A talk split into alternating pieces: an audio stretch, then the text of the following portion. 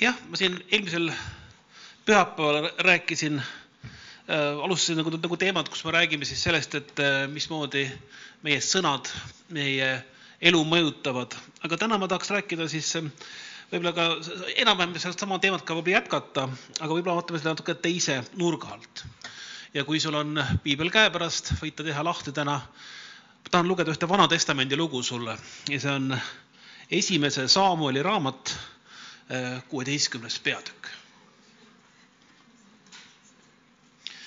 ja lugu on siis sellest, et mismoodi Jumal kutsub uue kuninga iisraellastele kelleks, kes on Jumala poolt kutsutud ja valitud ja kelle nimeks on siis Taavet ta,, eesti keeles või David siis heebrea ja, ja inglisepäraselt.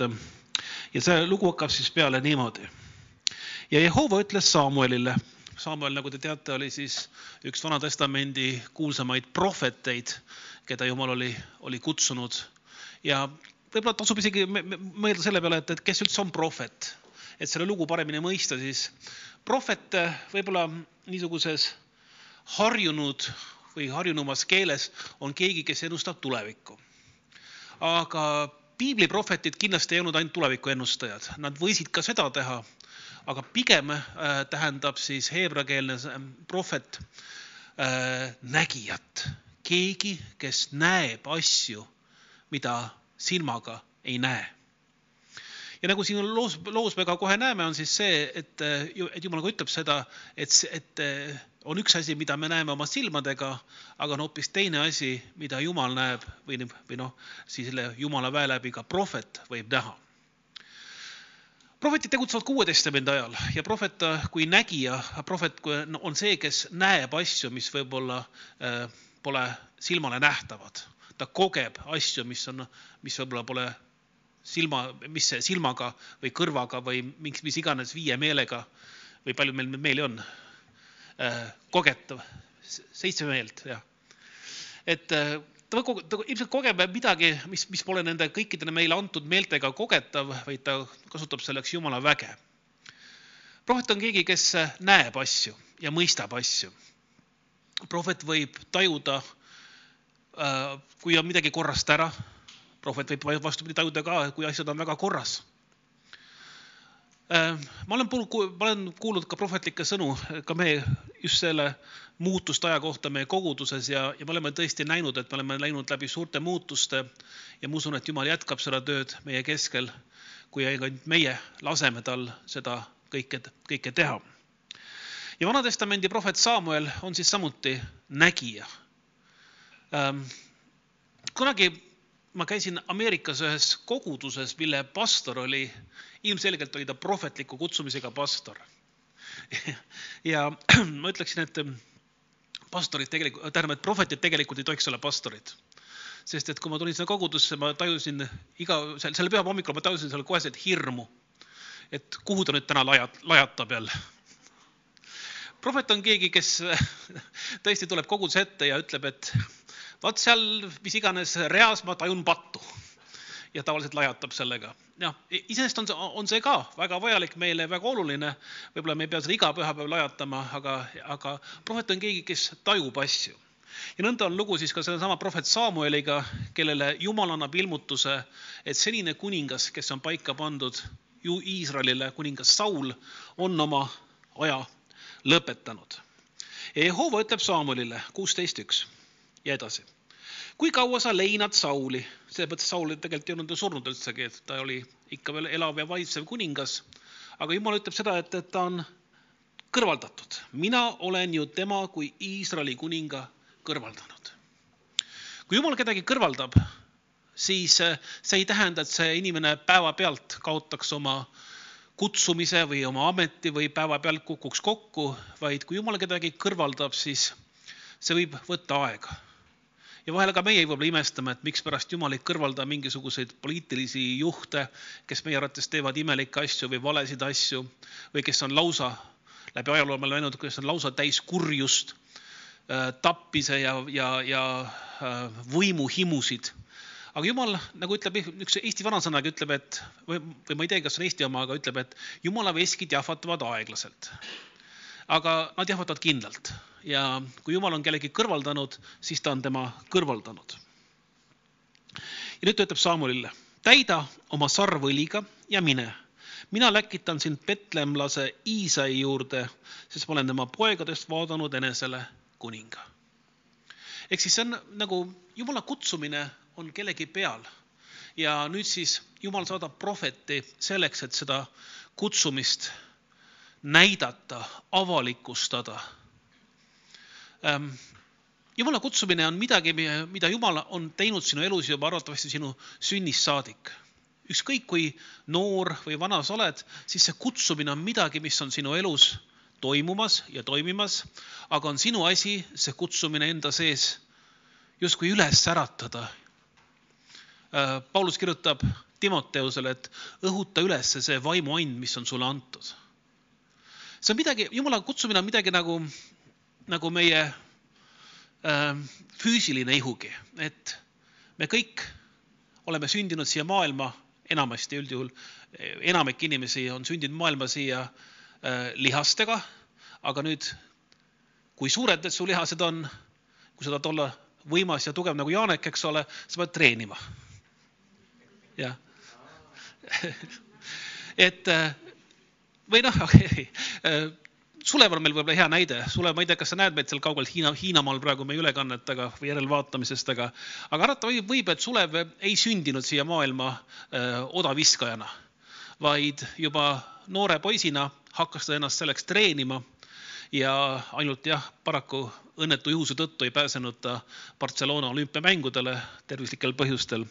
aga ta oli Äh, ja on äh, kindlasti äärmiselt heas vormis, aga see vorm ei tule mitte millegi muu läbi kui treeningu läbi. ja nõnda on sinu kutsumise ja vaimuanniga. tegelikult ju on, on lugu ju ka Taavetiga, kes tegelikult esialgu noore poisina ei paista silma mitte millegiga. aga loeme selle lugu edasi ja siis me näeme seda. ja Saamal ütleb, kuidas ma võin minna, kui kuningas Saul kuuleb, siis ta tapab mu ja Jehova vastas, võta üks õhvake, kas keegi teab, mis asi on õhvake? peaks olema lamb, mullikas või? jah, okei okay., okei okay,, mullikas siis mullikas. võta enesega üks õhvake ühes ja ütle, ma tulin Jehovale ohverdama. kutsu siis Iisai ohvrile, ma tahtsin lugeda kohvile, aga ohvrile ja mina õpetan sind, mis sa pead tegema, siis võia mulle see, keda ma sulle nimetan nii et vahel jah, äh, rasketes olukordades Jumal õpetab meid ka natukene kavalust kasutama selleks, et vältida üle, üleliigset äh, tüli. ja Samuel tegi nagu Jehova oli ütelnud, ta läks Petlemma ja nagu te teate, Petlemm on just selline ajalooline prohvetlik koht, seal sünnib ka Jeesus hiljem ja see on üks osa sellest prohvetlikust ettekuulutusest. samamoodi on sealt pärit ka siis Taavet aga linnavanemad tulid värisedes talle vastu ning küsisid, nagu ikka prohvetile tullakse värisedes vastu ja küsivad, kas sa tuled rahuga? mis nüüd lahti on, kust nüüd jälle, kust nüüd jälle lajatatakse? okei okay,, ma, ma natuke liialdan, loomulikult äh, Uue Testamendi prohvet ei ole keegi, kes äh, peab tingimata lajatama, aga võib-olla Uue Testamendi prohvetite puhul on head näited, kui hüpata korraks kõrval, kõrvalpõige teha, siis äh, on üks prohvet Aagabus Uues Testamendis kes äh, tuleb, leiab ühe vöö ja Jumal ütleb talle, et, et äh, võtab, võtab selle vöö, seob oma käed kinni ning ütleb, et nõnda seotakse selle vöö omanik kinni pagana, noh, juutide ja paganate poolt. ja selgub, et selle vöö omanik on Paulus. nii et see oli prohvetlik sõna Paulusele. aga pange tähele, et Pauluse jaoks ei ole see nagu selline ajalehe horoskoop, et ohoo, või nii, näe, ma ei teadnudki. vaid pigem ütleb Paulus selle peale, et jah püha vaim on seda mulle tunnistanud juba korduvalt. et Jumal ei juhi meid Uue Testamendi ajal prohvetite kaudu enam. prohvetid pigem kinnitavad seda, mida Jumal on sulle juba rääkinud. prohvet näitab sulle seda, mida või julgustab sind tegema seda, mida Jumal on sind juba kutsunud tegema. prohvet ei ole nagu ajalehe horoskoop, et kus sa loed iga hommikul, et ohoo, mis täna hakkab juhtuma. Mida täna teha või mida täna mitte teha. prohvet kinnitab seda, mida Jumal on sulle juba rääkinud. Vana-testamendi prohvet võib-olla natuke teistmoodi veel, et kuna Vana-testamendi ajal inimestel ei olnud seda otseühendust Jumalaga ja pühavaimu võimmist niisuguses kujul, nagu meil täna on, siis äh, Vana-testamendi ajal prohvet pidi ka rohkem juhtima inimesi. ja ta vastas, salm viis, rahuga. ma tulen Jehovale ohverdama, pühitsege ennast ja tulge ühes minuga ohvrile. ja ta pühitses Iisaid või Jesse on ta vist inglise keeles, eks ole, tema poegi ning kutsus nad ohvrile ja kui ta, ja kui nad siis tulid, nägi ta Eliabi, see on siis Iisai vanem poeg. küllap on nüüd Jehova ees tema võitu. noh, küllap oli ta siis tugev, hea välimusega, äh, võimalik, et ka heade juhtimise, juhi, juhi omadustega. ta oli pere vanem poeg, ta oli pere isa pärija, nagu te teate läbi keskaja ja läbi antiikaja üldjuhul oli vanem poeg see, kes kõik päris. nooremad pojad pidid ise vaatama, kus saavad. nii et, et noh, selle mõtteks oli see, et ei tahetud varandust liiga palju laiali jagada, et, et see põhivarandus läks alati vanemale pojale. nii et küllap Eliab oli selline tugev, tark, enesekindel. aga Jehova ütleb Saamulile, salm seitse, ära vaata tema välimusele ja kõrgele kasvule sest ma olen jätnud tema kõrvale. ja see on nüüd see koht, mis sa võid oma pilvis alla tõmmata või, või tänasest meelde jätta. sest see pole nii, nagu inimene näeb. inimene näeb, mis on silma ees, aga Jehova näeb, mis on südames inimene näeb seda, mis on silma ees, me näeme üksteist ja enamasti muidugi me märkame üksteise vigasid. me märkame üksteise ebatäiuslikkust ja salaja võib-olla oma südames mõtleme ka, et küll on hea Jumal, et mina pole niisugune, nagu on tema. uues testamendis räägib Jeesus lausa loo sellest, kuidas tölner ja variser palvetavad kõrvuti. võib-olla peaks ka seletama, et kes on tölner, et tänapäeval meil niisugust ametit ei ole või kas on meil mõni kool, kus saab tölneriks õppida? ei, mis, Sisekaitseakadeemia? Äh, Töller tingimata ei, ei, ei, ei pruugi olla maksuametnik, ta võis olla seda, aga, aga noh, ta võis olla ka lihtsalt ärimees, ta võis olla keegi, kes, kes lihtsalt äh, nägi oma elu eesmärgina raha teenimist ja, ja, ja raha oli temaks väga oluline. kuigi ta võis olla ka maksukoguja, võis olla küll, et äh, Töller oli keegi, igal juhul, igal juhul keegi, kelle peale ühiskond vaatas halvasti, sest et äh, variseride peale, kuigi me täna mõtleme sõna variser on meie jaoks täna negatiivne sõna aga juutide jaoks ta ei olnud negatiivne sõna, ta oli pigem selline väga auväärne sõna. variser oli keegi, kes kogu oma hingest, jõust ja meelest üritas seadust pidada, kõiki neid kuutesada, kui palju neid iganes käske oli, neid kõike korraga pidada. aga nagu me näeme, kui sinu usus või sinu usutegudes ei ole seda armastust ja seda Jumala armastust, muutub see surnud tegudeks ja kui variser ja tölner koos paletasid, siis variser paletas, et küll on hea Jumal, et mina pole nagu see mees mu kõrval siin. küll on hea, et ma olen palju temast mitmes asjas palju parem. ja variseri kohta, vabandust, ja tölneri kohta öeldakse, et see ei julgenud isegi silmi tõsta, vaid ütles, et Jumal või issand, ole mulle patusele armuline. ja me saame aru seda, et meie teod üksinda ei tee meid Jumalas õigeks ükskõik kui head või vägevad teod meil on, ükskõik kui palju me oleme, äh, kui palju me annetame, ükskõik kui palju me teeme häid tegusid, ükskõik kui palju me, ma ei tea, äh, aitame äh, orbusid ja kodutuid ja, ja keda iganes, siis teod üksinda ei tee meilt Jumala ees. No ma tahaks öelda populaarseks võib-olla või, või ei tee meid Jumala, Jumal, Jumalale ei avalda muljet meie teod, mis ei tähenda, et neid tegema ei peaks loomulikult tuleb, tuleb teha häid tegusid. aga mitte sellepärast, et Jumalale muljet avaldada, vaid sellepärast, et see on meie loomus. nii et ja see variser Tölder lugu lõpeb sellega, et, et Jumal ütleb, Jeesus ütleb, et, et see variser sai Jumala eest palju vähem ja see, kes oli tölner, kes oli alandlik, ütleb piibel, et ta lahkus sealt õigemana kui teine ta lahkus sealt puhtamana kui teine, ta oli jumalalt rohkem saanud kui see teine, kes ainult toetus oma uhketele tegudele, teadmistele, haridusele või jumal teab millele, eks ole. ja siin on nüüd lugu siis just see, et, et sest see pole nii, nagu inimene näeb, inimene näeb, mis on silma ees, aga Jehova näeb, mis on südames. ma ei mäleta, kes jutus ta oli, kes ütles seda, et et kui me taevasse jõuame, on meil päris mitu ahaa-efekti või ohoo-efekti. kõigepealt see, et me ise sinna jõuame. ja teiseks see, et keda me seal kohtame. või siis ka seda, keda me seal ei kohta. eks ole. nii et Jumal näeb meie sisemisse, Jumal näeb meie südamesse ja meil on nii kerge inimestena hukka mõista seda, kes on meie arvates teistsugune, kes on meie arvates mis iganes. On päris palju olnud erinevaid jutlustajaid, kelle puhul me mõtleme kogu aeg, et noh, et miks ta on selline või et ühest küljest Jumal teeb suuri tegusid tema kaudu, teisest küljest jällegi noh, võib-olla ta teeb ta ka mingeid asju, mis on meie jaoks arusaamatud. võib-olla on meie jaoks palju kirikuid, kus toimub meie jaoks võib-olla arusaamatu ma pean tunnistama jah, et, et ma võib-olla ka ei mõista kõiki nüansse mingite kirikute liturgiast või, või miks peab, miks peab mingit asja tegema seal või miks, miks mingit asja ei pea tegema. kas see on nii oluline äh,? ma ei tea, ma ei, noh, ma isegi ei taha hästi konkreetse, konkreetseks minna, aga võib-olla kas on oluline viiruki suitsetamine ja kui see on enda jaoks oluline, siis jumal temaga. las ta, las nad siis suitsetavad seda viirukit, kui see, kui see nii tähtis nende jaoks on mina, mina nagu pole sellest aru saanud ja ma ei tee seda, aga samas, kuidas ma võin öelda, et see on vale täiesti, kuidas ma võin öelda, et, et, et seda ei tohi teha või seda ei pea tegema või mina ju ei tea, mida Jumal on nendele ilmutanud, mida Jumal on neil käskinud teha. me oleme vennad ja õed ja hoolimata meie kiriku nimedest või hoolimata mingitest teoloogilistest arvamustest, on Jumal meid kutsunud kõike ühe kutsumisega. aga lähme tagasi Taaveti juurde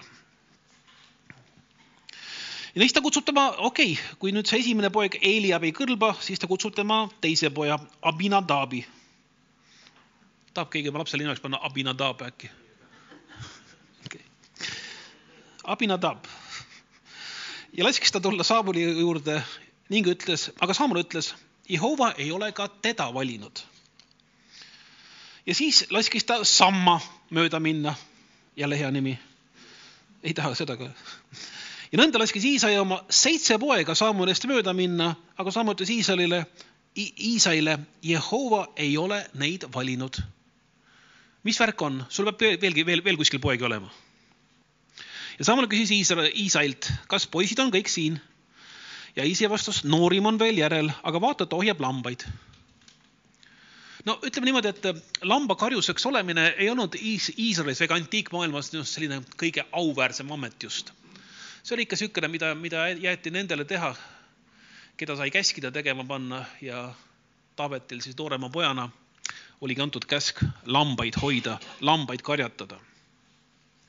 ja muidugi lamba karjatamine antiikmaailmas tähendas ka seda, et, et seal tuli vahel võidelda oma ja oma lammaste elu eest. nii et see on ka põhjus võib-olla, mikspärast Taavet oli äärmiselt osav linguheitja hiljem me näeme seda lugu, kuidas ta, ta, kuidas ta kohtub Koljatiga, vilistite võimsa sõduriga ja kuidas ta lihtsa linguga lahendab kogu selle olukorra ära, et võib-olla vahel me mõtlemegi, et, et vaata, et, et kus meil on väljaõpe ja treening ja arvata võib, et vilistite vägimehel Koljatil oli väga hea sõjaline väljaõpe. ta oli kogu elu pühendanud oma treenimisele, aga kui ta kohtus Jumala poolt kutsutuga, Jumala valituga, siis lahendas see, see ühe lihtsa lingukiviga ära kogu olukorra eh.. Eh. ma ei tea, kas, kas te teate, mis asi, mis asi ling üldse on? Enamik teab, aga jah, et see on selline, eh, kuna, kui noh, ühest küljest sa võid ju võtta lihtsalt kivi ja seda visata, aga lingu puhul siis võetakse niisugune pael või, või nöör või kangariba ja siis, kui seda kivi seal sees keerutada, siis üks pool lahti lasta, siis on võimalik seda kivi heita oluliselt kaugemale. paljudes antiikarmee sõjavägedes olid, liikusid sõjaväes linguheitjad, kes siis heitsid oma kivid vastase pihta ja siis seejärel taandusid oma raskerelvastatud jalaväe selja taha. aga noh, lingu, lingu heitmisega oli võimalik kivi heita noh, isegi kaks-kolm korda kaugemale kui lihtsalt käega visates ja muidugi osavad linguheitjad olid need siis, kes suutsid ka tabada märki väga täpselt. ja Taavet kindlasti karjasena pidi seda kasutama selleks, et hoida röövloomi oma karjast eemal. ja nüüd kutsutaksegi seesama poiss Taavet siis. Saame ütleb Iisraelile, läkita järele ja too ta siia, sest me ei istu lauda enne, kui ta siia tuleb. ja ta läkitas järele ning laskis tema tuua. ta oli punapalgeline, ilusate silmadega ja kauni välimusega, nagu Ants meil näiteks. Äh, ja Jehova ütles, tõuse ja võia teda, sest tema on see. ta on see, ta on see valitu, ta on see kutsutu ta on see, keda Jumal on valinud. Inglise keeles on see tore sõna, see chosen one.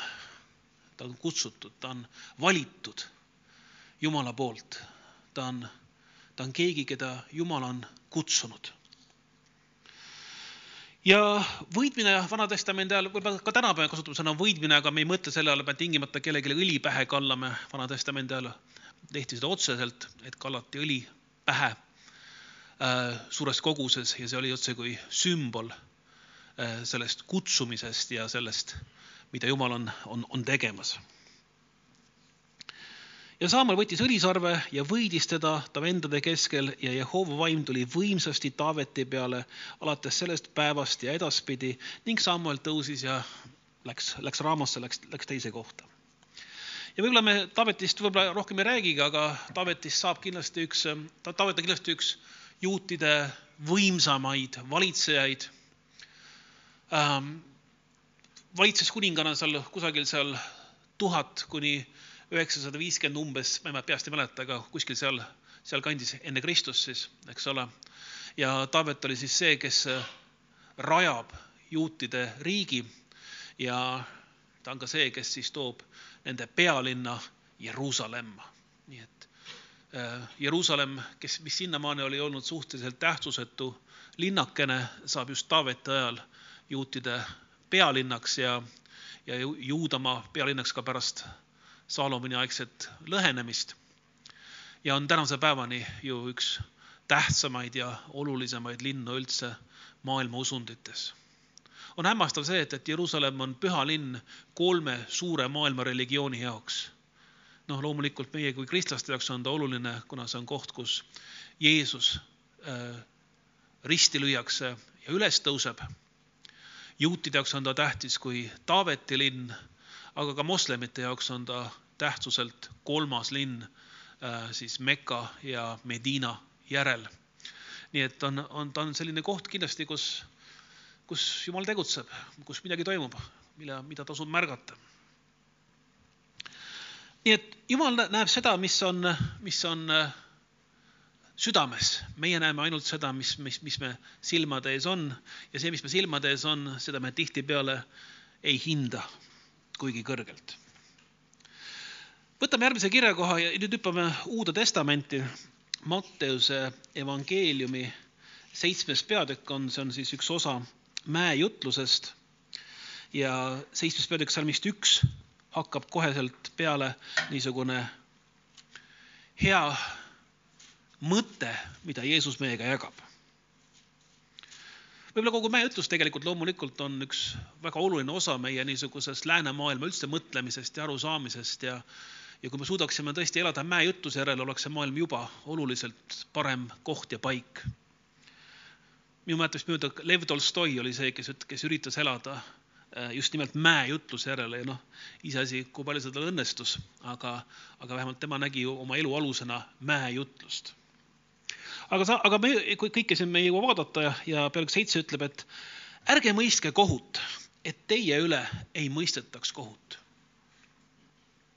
ärge andke hinnanguid, et teie, teie kohta ei antaks hinnanguid ja see on, see on tõsine üle, üleskutse, ta ütle, Jeesus on öelnud meile korduvalt, et nii nagu meie mõõdame, niimoodi mõõdetakse meile. meie isa palve, mäletate, olete, olete lugenud kunagi seda? mõni on, mõni on lugenud, jah. ja anna meile andeks meie võlad nii, nagu meie ka andeks anname oma võlglastele. mul on vahel hirm, kui ma mõtlen, et kui Jumal suhtuks minusse niimoodi, nagu mina suhtun vahel inimestesse, siis on minuga kehv lugu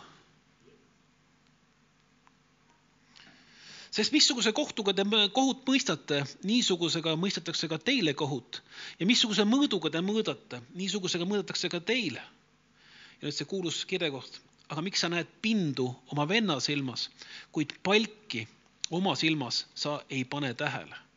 või kuidas sa ütled oma vennale, lase ma tõmban pinnu su silmist ja vaata, palk on su omas silmas.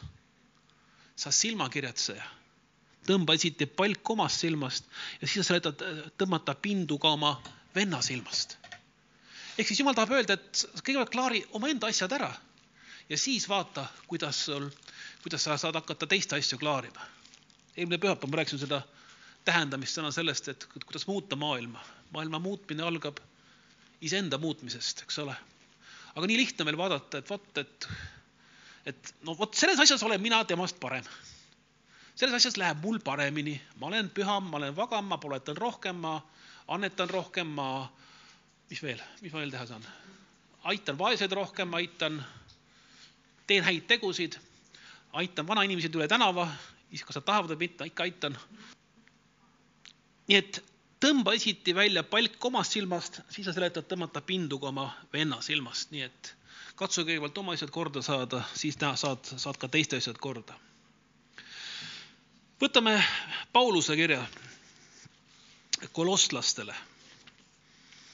see võib-olla ei ole see kõige, ka kõige kuulsam kiri, aga see on üks väga, väga olulisi Pauluse kirjasid, Pauluse kiri kolossalastele. ja peatükist kolm.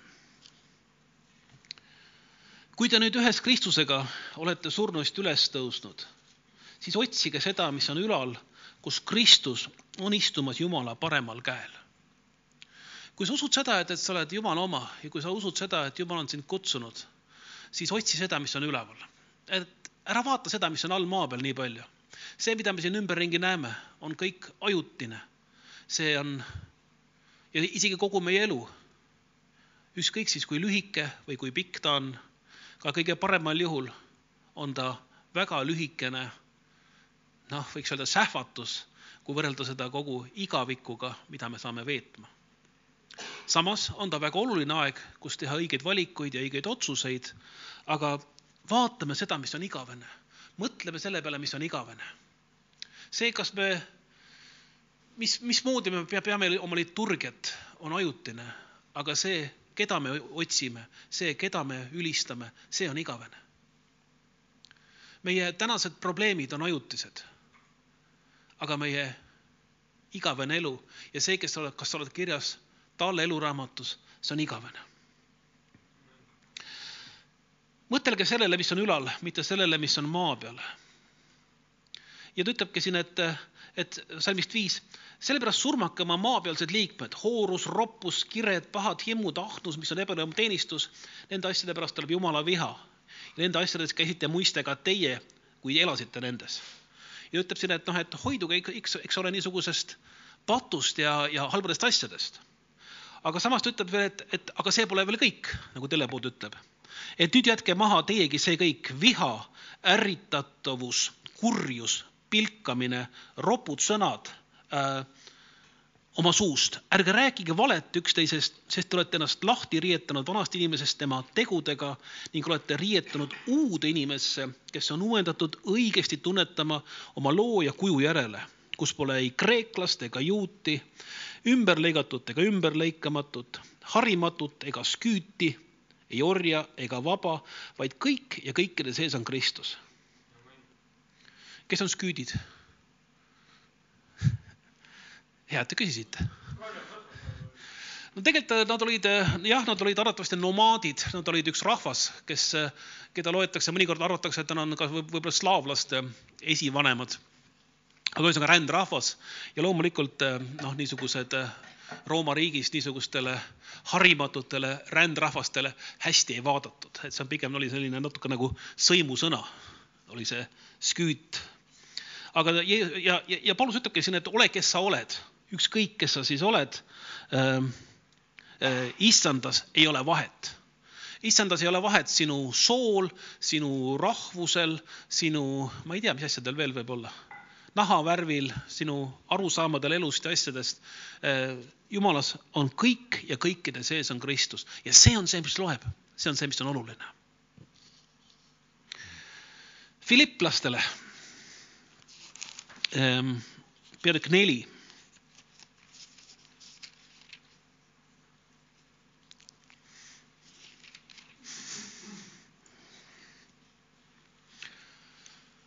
Mida, kuidas, kuidas, kuidas me siis vaatame selle peale, mis on, mis on taevane? Filiplastele neli kaheksa ütleb, et viimaks vennad, kõik, mis on tõsine või tõde. tõsi, tõsi, ma arvan, ma, ma ei tea, kuidas uus tõlge ütleb. tõene jah, on, on parem tõlge ilmselt, et tõsine nagu eesti keeles on see, et nagu, nagu et, et noh, et ärge, ärge nalja tehke, eks ole, vaid, vaid pigem ta mõtleb, mis on tõde, mis on tõene. kus me olimegi?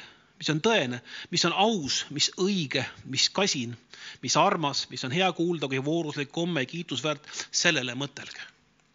no tegelikult juba antiikmaailmas, kui ma ei eksi, Sokrates ütles seda, et, et kõike tuleb hinnata läbi kolme sõela. et kui sa midagi kuuled, siis kõigepealt, kas see on tõde, kas see on, kas see on midagi, mis on hea kuulda ja kolmandaks, kas sellest on mingit kasu, sellest infost, sellest teadmisest. ja tegelikult äh, piibel on samal teemal, viib selle isegi sügavamale ja kaugemale edasi ning ütlebki, et kõigepealt mõtle selle peale, mis on tõde. noh, suur osa infost, mida me täna kogeme, no ma ikka koolis õpilastele olen rääkinud seda, et, et me peame olema väga kriitilised kõige kohta, mida me loeme või kuuleme või, või mis infot meile edastatakse. kui see on internetis, siis on see tõde. On nii või? ei ole nõus, väga hea, et väga hea, et, et aamen ei öelnud selle peale Äh, mõtelge selle peale, mis on tõde, nii et äh, vahel tuleb tõde natuke otsida, vahel tuleb tõde, tõde leida ridade vahelt, vahel tuleb tõde avastada kusagilt ähm, kaugemalt. ja võib-olla meie, kes me oleme vanemad siin, mäletavad veel, kuidas ilmus ajaleht Pravda, mis tähendab tõlkes tõde, kus ei olnud sõnagi tõde sees. jah, kuupäev võis olla õige jah kuigi vahel juhtus ka, et korjati mingi, mingi, mingi asi ära ja trükiti uuesti see ajaleht, kui seal midagi valesti oli läinud. jah. minu isal oli, oli õudselt hea meel, ta ükskord ostis, läks hommikul vara, läks ajalehekioskisse, ostis sealt ajalehe Sirp ja vasar noh, see oli selline kultuurileht siis tol ajal, kusjuures äh, umbes tund aega hiljem pandi kõik putkad kinni ja korjati kõik, kõik see, kõik see sirpvasar ära. sest see kogemata oli, oli sel päeval kujundatud see sinise ja musta triibuga, see ajaleht. ja kuna noh, leht ise oli valge, siis, siis oli seal, siis jah, tõesti korjati ära kõik ja trükiti uuesti sel päeval. minu, minu isa oli väga õnnelik, et tema jõudis selle hommikul ära osta veel enne, enne kui see ära korjati, enne, enne kui keegi märkas seda. jah, ma ei tea, miks ma sellest rääkima hakkasin, aga arvata, ei tea ju. samamoodi ilmus ju kunagi Loomingus kuulus luuletus, mida või, mida? ei, see ka veel jah, aga üks luuletus oli, mille, mida, mida noh, ma vahel näitan ka õpilastele, et vaadake, mis on selle luuletusega valesti. ja noh, ma kahjuks, sa ei saa teda praegu näidata, näidata, aga, aga tegelikult see selgus seda, hiljem korjati kogu see looming ära, sest et selle luuletuse esitähtedest tuli välja sõna sini, must, valge. jah ja see oli sügaval nõukogude ajal. jah. jah, kusjuures jah, ma võin, võin pärast teile näidata seda. Ehm, mis on tõde, mis on aus? Ah, kus uus tõlge kadus veel? Ah, meil pole, meil pole näitajat enam. auväärne jah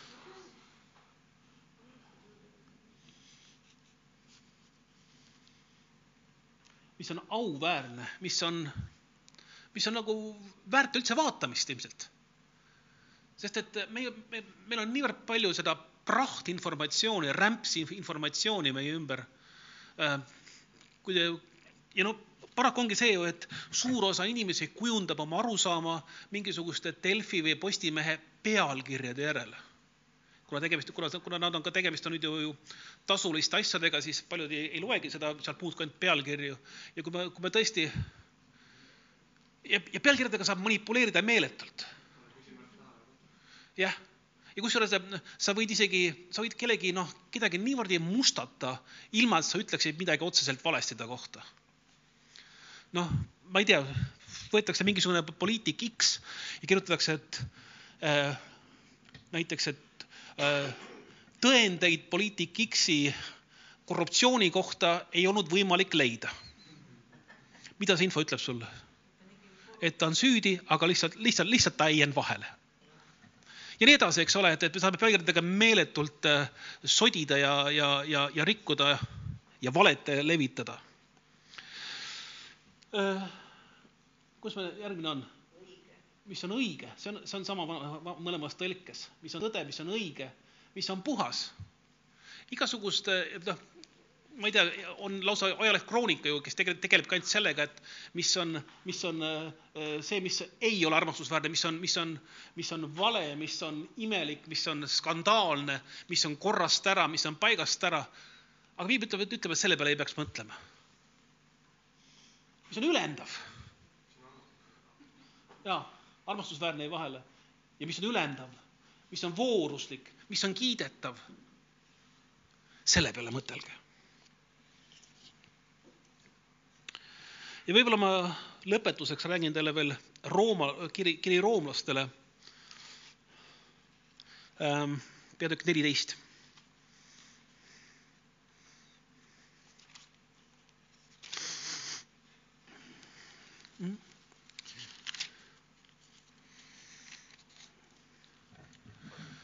Äh, meie kõikide usk on väga erineval tasemel ja me kõik arvame ka igasugu asju ja mõtleme igasugu asju ja vaidleme mingite asjade üle. aga Rooma neliteist üks ütleb, et usu poolest tõrgale olge vastutulelikud ilma vaidlust alustamata arvamiste kohta.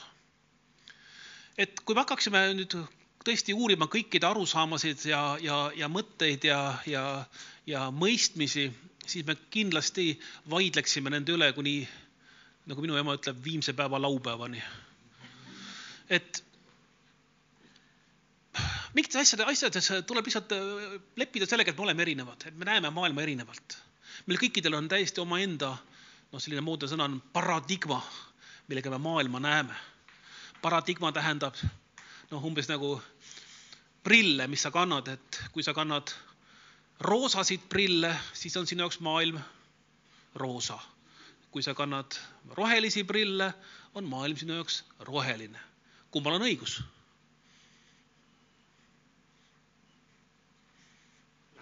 just, eks ole, et äh, jah, mõlemil on õigus ja mitte kummalgi pole õigus. õigus on see, et nad niimoodi maailma näevad ja, ja, ja tegelikult maailm pole, pole kaugeltki nii roosa või nii roheline, eks ole, et mõlemil on oma tõde, et ja viimane ütlebki, et lõpetame vaidlemise niisuguste tühja-tähja üle. mõni usub, et võib süüa kõike. aga kes on nõrk, sööb taimetoitu. eks ole tuleb välja, et juba, et veganid olid ka juba sel ajal juba olemas ja, ja ta ütlebki, et kusjuures noh, küllap on see tervisele kasulik olla, vahe, vähem liha süüa ja rohkem vegan olla. aga oluline, oluline pole see, kas sa oled, kas sa sööd taimetoitu või sa sööd sa liha. kes sööb, ärgu pidagu halvaks seda, kes mitte ei söö ja kes ei söö, ärgu mõistku, mõistku hukka seda, kes sööb, sest Jumal on tema vastu võtnud. ju Jumal on ta kutsunud mis siis, et ta pole nagu see Iisai vanim poeg või järgmine poeg või järgmine poeg, ta oli täiesti mõttetu mees karjast, oli Taavet, aga jumal kutsus tema. ja me, ja jällegi, meil on niivõrd kerge vaadata üksteise peale ja mõelda, et vaata, miks ta on niisugune. miks ta on niisugune, miks ta on naasugune, miks ta ei tee nii, nagu mina teen. sest mina teen asju ometi õieti ju. just mina olen siiralt veendunud, et kui kogu maailm oleks nagu mina, me elaksime palju õnnelikumas kohas aga oluline on siis see, et see on nagu see Eesti kirikute kõige põletavam teoloogiline küsimus. kas võib süüa verivorsti või mitte?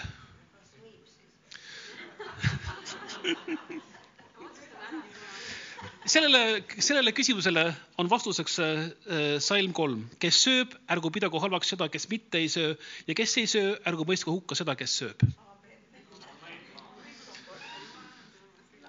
Salm neli, kes oled sina, et sa mõistad hukka teise sulase? tema seisab või langeb iseenda isandale. aga tema jääb seisma, sest Jumal võib teda püsti hoida. isegi siis, kui ta teeb asju, mis Jumalast on valed on tal Jumalaga oma lugu. võib-olla ta, võib-olla tal on jah, mingi asi on veel paigast ära ja korrast ära ja mingi arusaamine on korrast ära, aga samas on ta teinud võib-olla mingid suured muudatused oma elus ja võitnud ära hoopis hullemad asjad. Meil on nii tihti, nii, me nii tihti keskendume sellele mingitele väikestele detailidele, et vaata, see on valesti, teine asi valesti ja me ei märkagi et, et üheksakümmend üheksa protsenti on ju päris hästi juba. nii et vaatame seda suurt pilti, vaatame seda, mida Jumal näeb meie sees. ja tõesti, igaühel on Jumalaga oma lugu. ja kui keegi teeb ka midagi valesti või meie arvates või, või ebaõigelt käitub, siis Jumal võib teda ka niimoodi püsti hoida. See ei tähenda, sina võid samamoodi teha, sest sul on Jumalaga oma lugu. kui sa teed midagi, mis on, mis sa tead, et on vale, siis on see patt. aga ära otsi seda pattu teise juures, las ta elab oma elu. mõni arvab ühe päeva paremaks kui teisest teine arvab, kõik peavad ühesuguseks. igaüks olgu enese mõttes kindel oma veendumuses. mõni ütleb, et äh, kolmteist ja reede on väga halb päev, las ta siis mõtleb seda, sellel ei ole suuremat tähtsust, mõni ütleb, et kõik päevad on samasugused, ma arvan ka seda, aga on inimesi, kes, kes, kes usuvad, ma ei, ma ei tea, horoskoope no sellega on, on see lugu, et tegelikult horoskoobid põhinevad ju astroloogial, mis on tähtede näiline kuju, nii et ma sügavalt kahtlen nendes. aga kui sa tõesti usud, et olles sündinud, ma ei tea, mingisugusel kukeaastal, siis sa oled niisugune, noh, siis ole pealegi niisugune, aga siis katsu kasutada, leida oma tugevused, et katta nendega omad nõrkused.